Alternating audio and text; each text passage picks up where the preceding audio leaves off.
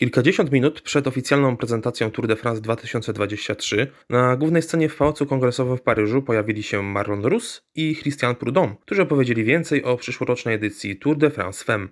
Tym razem kobiecy peleton odwiedzi południowy zachód Francji. Wyścig rozpocznie się w Clermont-Ferrand, skąd pochodzi Remi Cavagna i gdzie w piłkę kopie reprezentant Polski Mateusz Wieteska. Po kilku pofałdowanych i płaskich etapach i krótkiej wizycie w Pirenejach zmagania zakończy czasówka po ulicach Po. Cześć, z tej strony Kasper Wośkowiak, Rower.org. Witam wszystkich bardzo serdecznie i zapraszam na kolejny odcinek naszego rowerowego podcastu, a konkretniej miniserii, w której omawiamy trasy wszystkich Grand Tour. Po ubiegłorocznym sukcesie Tour de France Kobiet doczekał się drugiej edycji sygnowanej przez ASO. Premierowa odsłona okazała się wielkim sukcesem zarówno marketingowym, no bo wyścig zyskał spory prestiż i uznanie kibiców, jak i tym sportowym, choć rywalizacja w generalce całkowicie zdominowała Annemiek van Vleuten, no ale natomiast e, zabawa na poszczególnych etapach była naprawdę bardzo, bardzo ciekawa. Polscy kibice, oczywiście z wypiechami na twarzy, śledzili walkę Kasi Niewiadomej o najniższy stopień podium. Dodajmy, że walkę skuteczną, udaną, no bo Kasia właśnie to trzecie miejsce zajęła.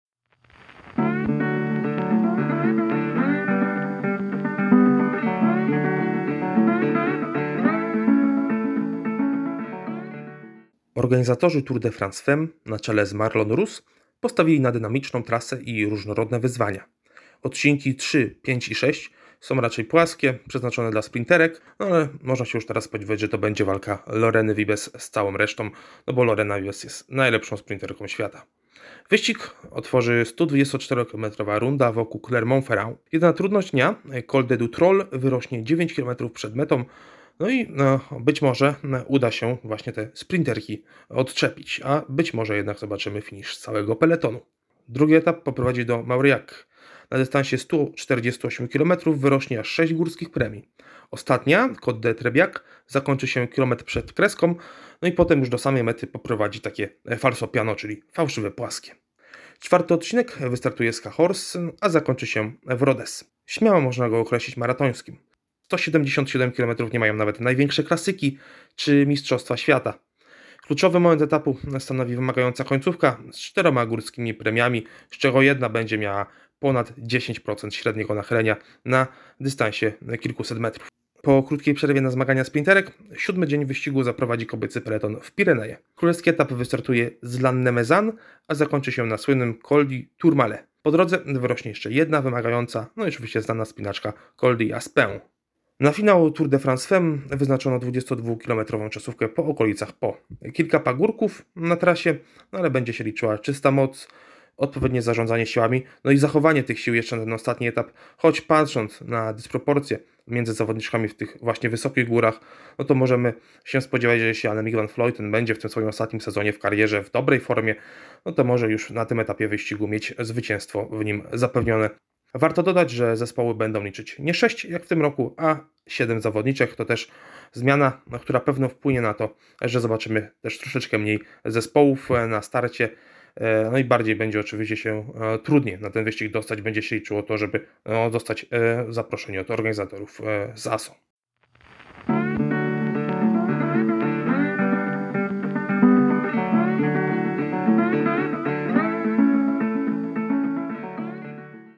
Z racji tego, że mamy dopiero początek grudnia, a więc pełnię sezonu górkowego, no to oczywiście nie znamy jeszcze nawet prowizorycznej listy startowej Tour de France Femme. Jednak no, możemy założyć, że na starcie wyścigów Clermont-Ferrand no, pojawi się ścisła czołówka kobiecego peletonu z najlepszymi zawodniczkami na świecie. No właśnie, na propos kobiecego peletonu. W ostatniej sekcji pomówimy o najgłośniejszych transferach no, tego no, zimowego Mercato, a zaczniemy od polskiego podwórka. Utalentowana Daria Pikulik zasili szeregi amerykańskiej grupy Human Powered Half. W minionym sezonie Daria wygrała mniejszy belgijski klasyk Districten Pile Ekeren Dorne oraz zajęła piąte miejsce na sprinterskich mistrzostwach Europy w Monachium. Agnieszka Skalniak-Sujka, jedna z najskuteczniejszych zawodniczek tego roku, z aż 14 zwycięstwami UCI na swoim koncie, dołączy do Kasi niewiadomej w Canyon SRAM. Natomiast Karolina Perekitko znajdzie się we francuskim zespole Team Group Abadi. Wciąż nieznana jest przyszłość Karoliny Kumięgi, jednej z bohaterek naszego odcinka o kobiecym Giro. Pozostałe nasze takie topowe zawodniczki zostają w zespołach, w których do tej pory e, jeździły. Mówi tu m.in. o Marcie Lach czy e, Marcie Jaskulskiej.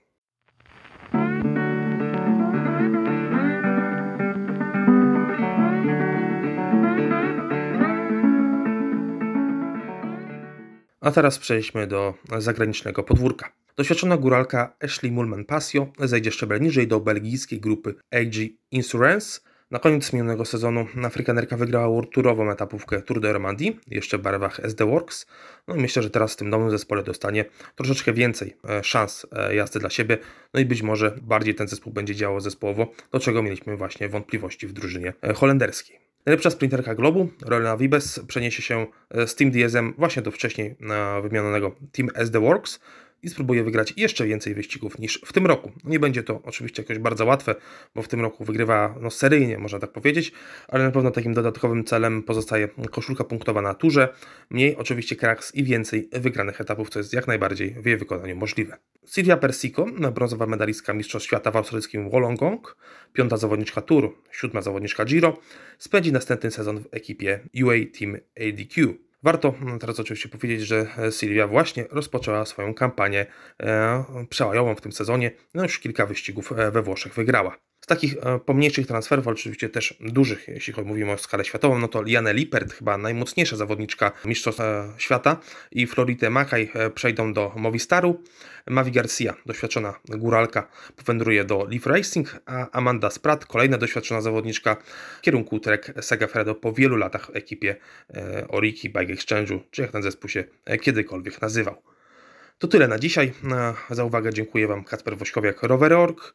Jeśli ten odcinek przypadł Wam do gustu, no to zachęcam do kliknięcia łapki w górę no i zostawienia nam oczywiście subskrypcji z dzwonkiem. Następny raz słyszymy się przy okazji omówienia trasy Giro d'Italia. Dzięki, cześć, na razie.